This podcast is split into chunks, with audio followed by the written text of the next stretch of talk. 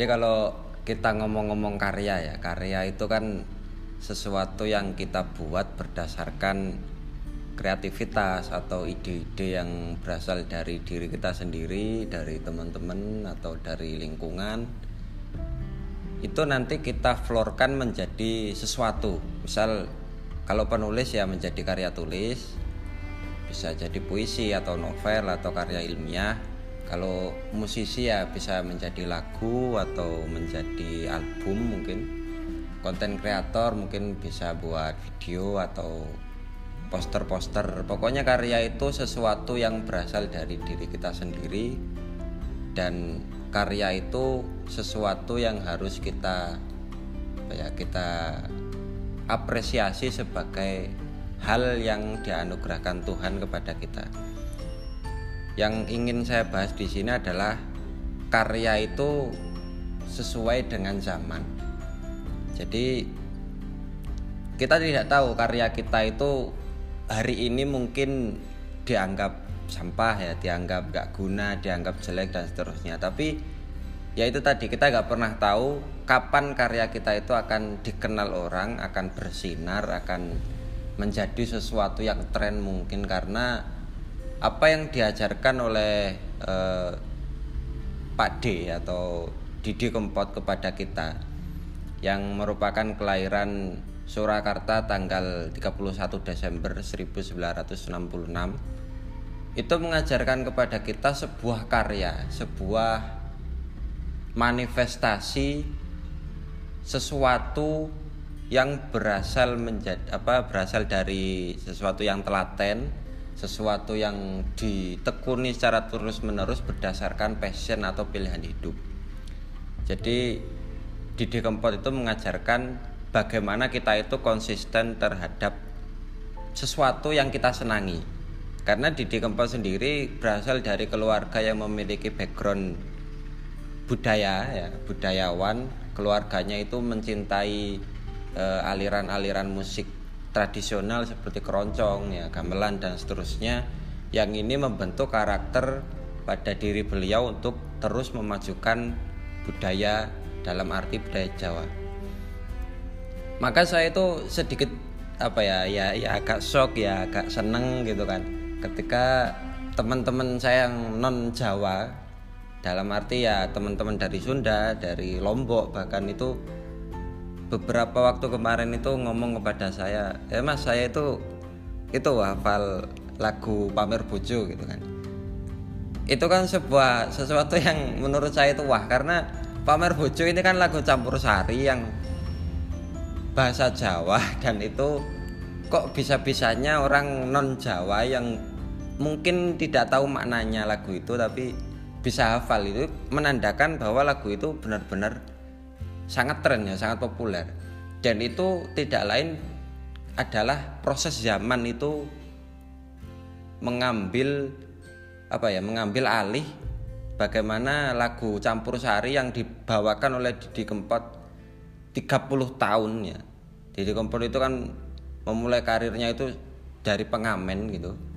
Dan 30 tahun menelurkan puluhan album nah akhirnya trendingnya atau trennya itu akhir-akhir ini. Kalau nggak salah sekitar pertengahan tahun 2018 itu mulai muncul yang namanya Sobat Ambiar.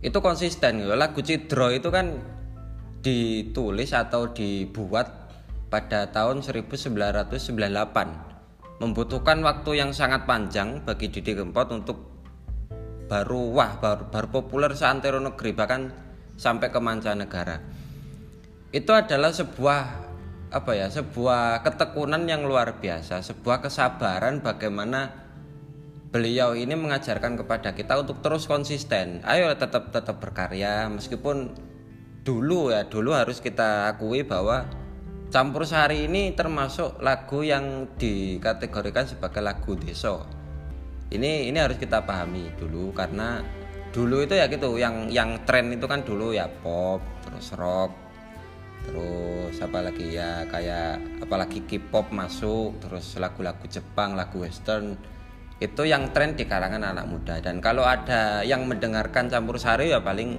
kalangan tua gitu kalangan-kalangan orang-orang bapak-bapak kita, ibu-ibu kita, kakek-kakek itu kan yang muter di radio nanti ada yang stasiun balapan itu kan lagu yang gak asing bagi telinga anak-anak tahun 90-an karena kita gak tahu lagu itu apa ya waktu kecil ya. Kita gak tahu lagu itu apa tapi itu kesukaan orang-orang tua kita.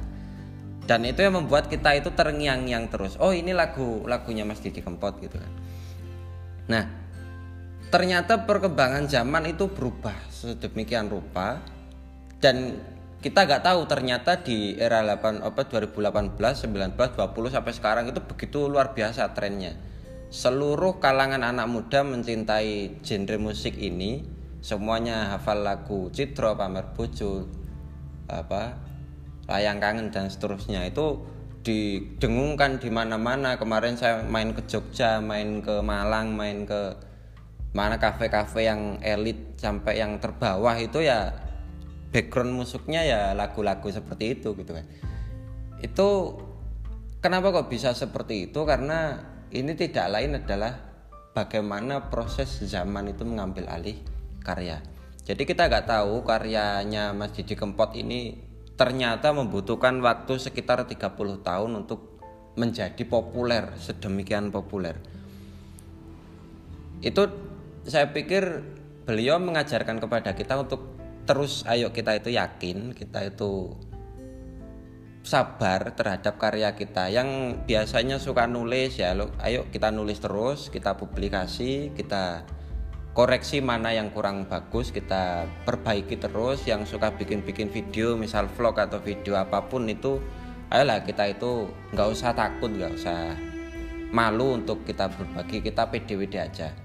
Kita terus kembangkan itu yang suka nyanyi kita bikin konten seputar apa ya e, nyanyi atau cover lagu atau apa pun terserah yang suka ngelukis kita bagikan ini lo lukisan saya ini lo karya saya. Kita problem kita adalah kita itu kalah duluan terhadap overthinking kita sendiri. Kita takut dihujat kita takut karya kita sampah.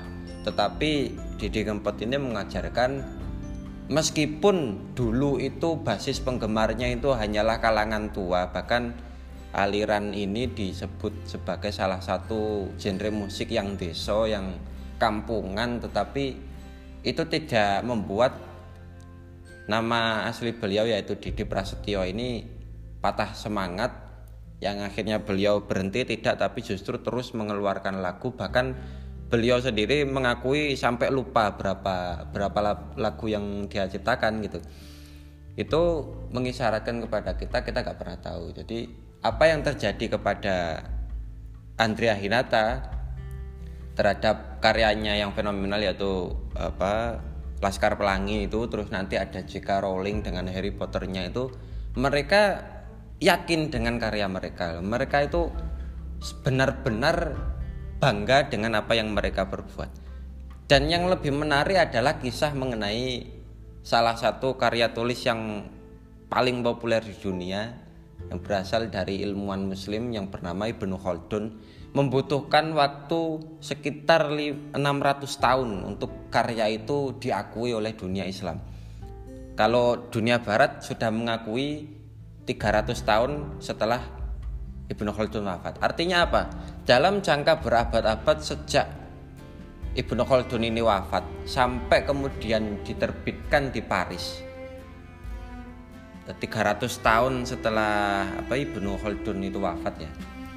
Berarti membutuhkan waktu yang sebegitu lama bagi Ibnu Khaldun untuk memunculkan karyanya memunculkan karya intelektualnya pemikiran yang luar biasa itu diakui oleh dunia gitu loh.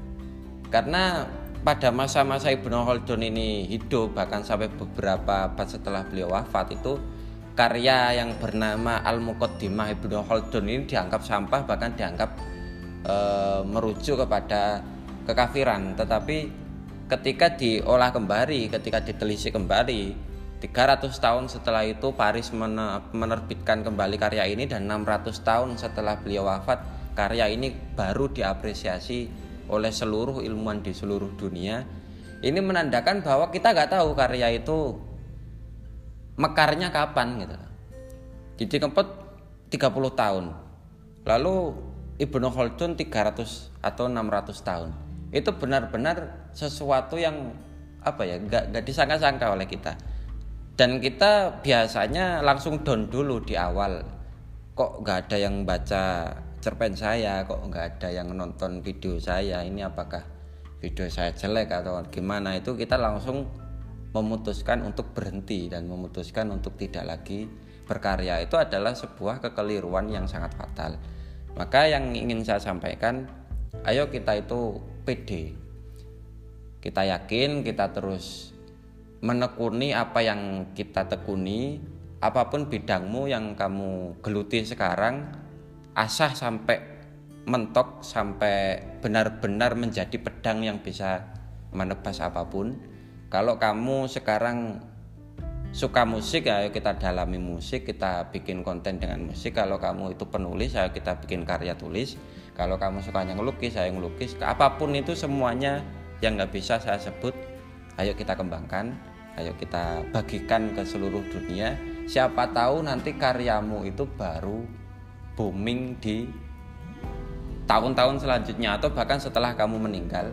Kita nggak tahu. Yang penting kita hidup ini adalah e, tidak lain adalah untuk menjadi orang yang bermanfaat. Dan siapa tahu dari karyamu itu yang mungkin kamu belum yakin itu adalah karya yang bagus yang mungkin di mendapatkan celaan bahwa karya itu sampah tapi bisa jadi di lain hari karya itu menjadi karya yang spektakuler dan bermanfaat bagi semuanya. Didi Kempot mungkin sudah meninggalkan kita pada tanggal 5 Mei 2020 tetapi pelajaran yang bisa kita dapat dari beliau adalah jangan pernah menyerah untuk terus berkarya.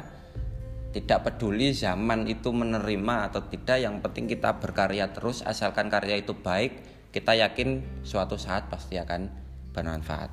Terima kasih dan saya harap karya-karya kalian kemudian menjadi karya yang bermekaran dan menghiasi dunia ini. Terima kasih dan sampai jumpa